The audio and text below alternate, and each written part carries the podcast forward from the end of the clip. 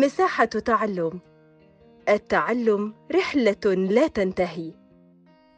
مساء الفل عليكم أو صباح الفل على حسب الوقت اللي بتسمعوني فيه. معاكم أستاذ محمد صلاح وده بودكاست مساحة تعلم التابع لهيئة كير الدولية مصر.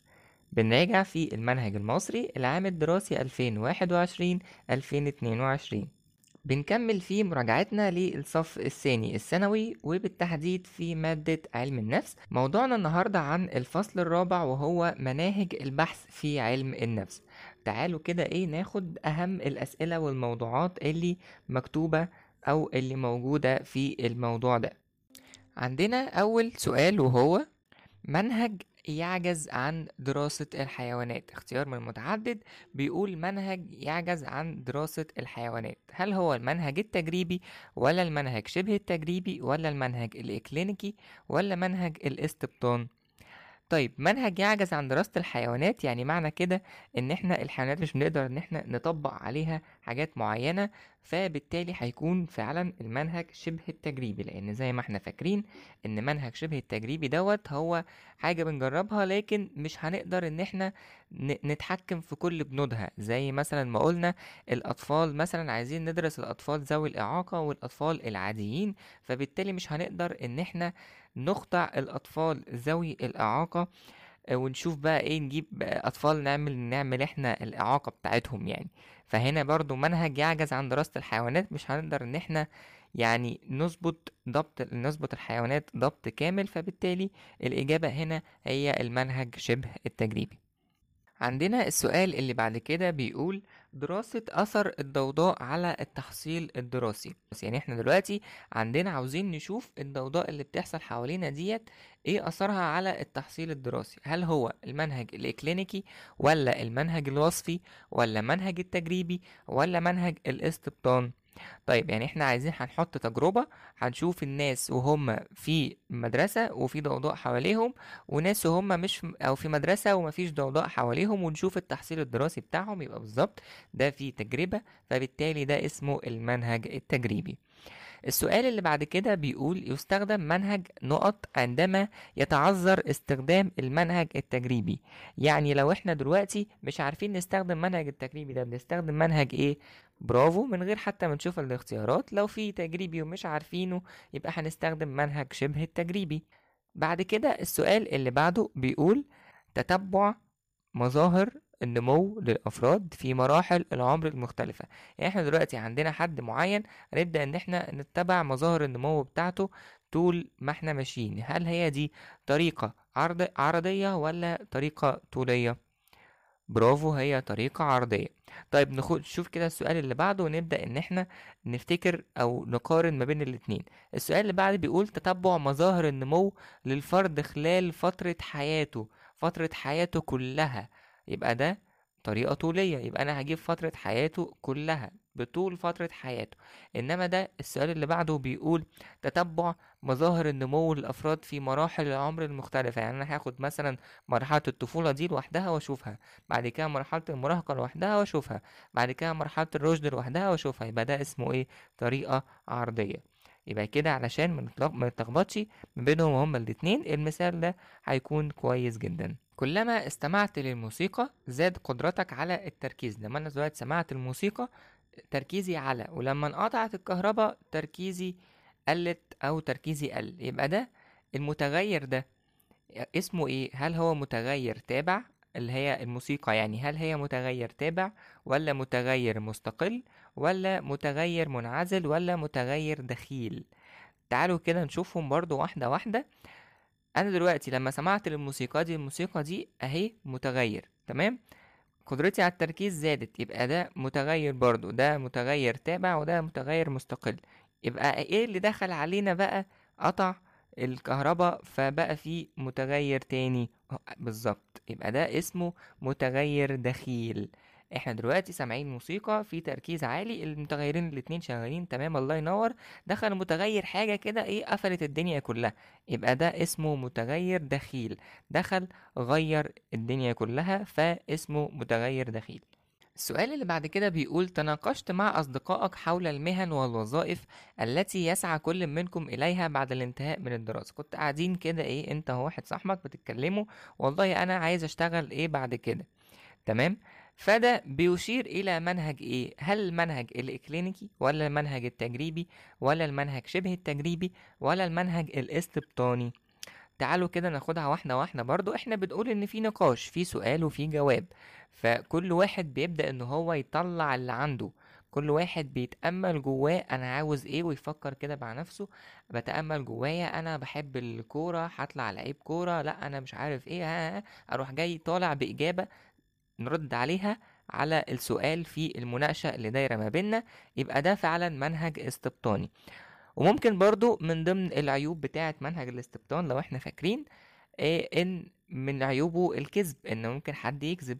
إيه والله مثلا هو مش مش مش يعني مش عاوز يقول الصدق فيبدأ يقول أنا عايز أطلع لعيب كورة وهو أصلا ما بيحبش الكورة فبرضو دي حاجة بتاعته. فهو ده اسمه المنهج الاستبطاني لأن أنا تأملت جوايا أنا فكرت مع نفسي الأول بعد كده بدأت إن أنا أتكلم وبدأت إن أنا أعبر عن الإجابة للسؤال اللي بيتقال لي. يبقى ده فعلا بيعبر على المنهج الاستبطاني. تمام؟ برافو عليكم. وكنتم شطار في الجزئية دي. تعالوا ندخل بقى على الفصل اللي بعده وهو الدوافع. تعالوا كده يلا بينا ناخد سؤال وجواب. أول سؤال عندنا عندما كنت أسير متجها واحد بيتكلم بيقول عندما كنت أسير متجها إلى المعمل الخاص بي وإذا بشخص ما يدهو اللحوم فشعرت بالجوع. يمثل ذلك الدافع الباعث الحافز الحاجة. يعني دلوقتي واحد بيقول وأنا ماشي آه، لقيت شميت ريحة أكل فجعت. يبقى ده اسمه إيه؟ يبقى هنا دلوقتي حصل إن أنا ماشي شفت حاجة أو شميت حاجة خارجية من عليا بدأت إن هي تثير دافع الجوع جوايا. يبقى ده اسمه إيه؟ برافو. يبقى ده اسمه الباعث. الباعث زي ما إحنا متفقين إن هو حاجة خارجية بتستثير الدافع أو بتستثير الدافع اللي جوايا. مظبوط.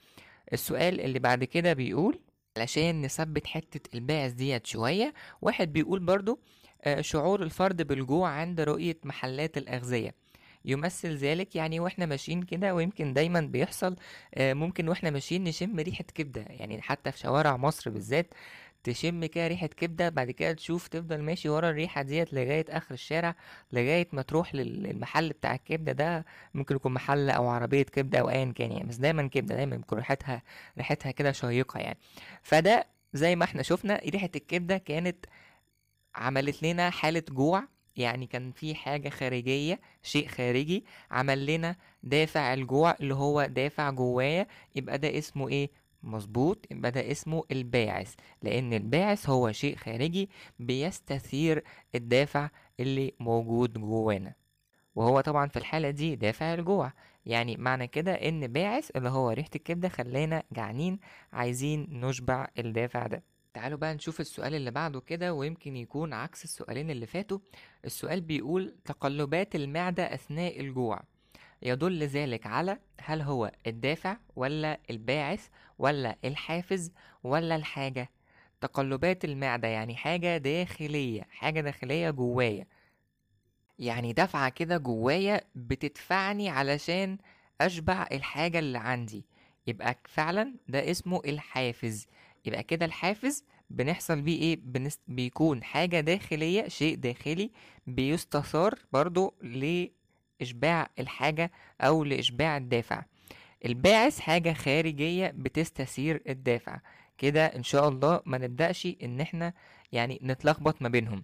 السؤال اللي بعد كده بيقول عملية ينتج عنها الدافع تسمى هل هي الحاجة ولا الانفعالات ولا الإحساس ولا الدافع؟ بالظبط. أول سؤال أو أول إجابة وهي الحاجة. الحاجة دي اللي هي إيه؟ افتقاد الشخص لحاجة معينة. افتقاد الشخص لحاجة معينة. تمام؟ بيعمل له توتر. التوتر ده بيدفع الشخص لأنه هو يقوم بسلوك معين علشان يشبع الحاجة دي. بمعنى إن دلوقتي الشخص مثلا جعان فهو مفتقد للأكل. عمل دافع واسمه الجوع. فبدأ الجوع دوت يكون هو الدافع فالمفروض الإنسان ياكل علشان يشبع الجوع ده وعلشان يشبع الحاجة اللي ظهرت دي. يعني معنى كده إن الحاجة دي الحاجة كلمة الحاجة هي عملية ينتج عنها الدافع. الحاجة نقص في الأكل الموجود في جسمي. عمل عندي دافع الجوع. عمل عندي إيه؟ دافع الجوع. يبقى الحاجة عملية ينتج عنها الدافع مظبوط جدا. تعالوا ندخل على السؤال اللي بعد كده. والسؤال اللي بعد كده بيقول عندما يكون لدى الطالب هدفان فيختار الأهم منهم يعبر ذلك عن أحد خصائص الدوافع وهي هل هي الدورية ولا الأولوية ولا المرونة ولا التناسب الطردي؟ طيب لما يكون قدام الطالب هدفين بيختار منهم حاجة واحدة يعني مثلا دلوقتي لو أنا قدامي إن أنا أذاكر عربي ولا أذاكر علم نفس مع العلم إن أنا عندي امتحان علم نفس بكرة يبقى كده لأ أنا اخترت إن أنا أذاكر علم نفس دلوقتي. يعني معنى كده إن ده بيعبر عن مظبوط بيعبر عن الأولوية. الأولوية إن من خصائص الدوافع الأولوية يعني الدافع الأقوى عند الطالب إنه الأولوية يعني ياخد الأولوية في الإشباع. أنا أه هذاكر عربي وهذاكر علم نفس بس في أولوية لأن أنا عندي امتحان علم نفس بكرة فهذاكر علم النفس بكرة. هذاكره بكرة قبل الامتحان لأ هذاكره علشان بكرة. تمام؟ علشان بس إيه محدش يبدأ إن هو يفهم غلط. ما تعملوش كده. ما تذاكروش ما تذاكروش قبل الامتحان. اتفقنا؟ تعالوا كده إيه ندخل على السؤال اللي بعده. السؤال اللي بعد كده بيقول دوافع ترتبط بالآخرين في إشباعها. دوافع ترتبط بالآخرين في إشباعها. يعني معنى كده إن أنا محتاج شخص تاني علشان يشبع لي الدافع ده. هل هي دوافع فسيولوجية ولا دوافع إنسانية ولا دوافع فطرية ولا فسيولوجية ذات طابع اجتماعي؟ برافو طالما أنا دي حاجة جوايا وأنا عاوز أعملها لكن محتاج حد تاني وهو حد تاني فعلا اللي هيعملها لي يبقى دي فسيولوجية ذات الطابع الاجتماعي. زي مثلا دافع الأمومة مفيش بنت مثلا هتكون أم لوحدها كده لأ لازم تكون أم لطفل يعني هي محتاجة طفل محتاجة حد تاني علشان يشبع لها الدافع ده محتاجة طفل علشان يشبع لها دافع الأمومة. برافو عليكم. تعالوا ندخل على السؤال اللي بعده.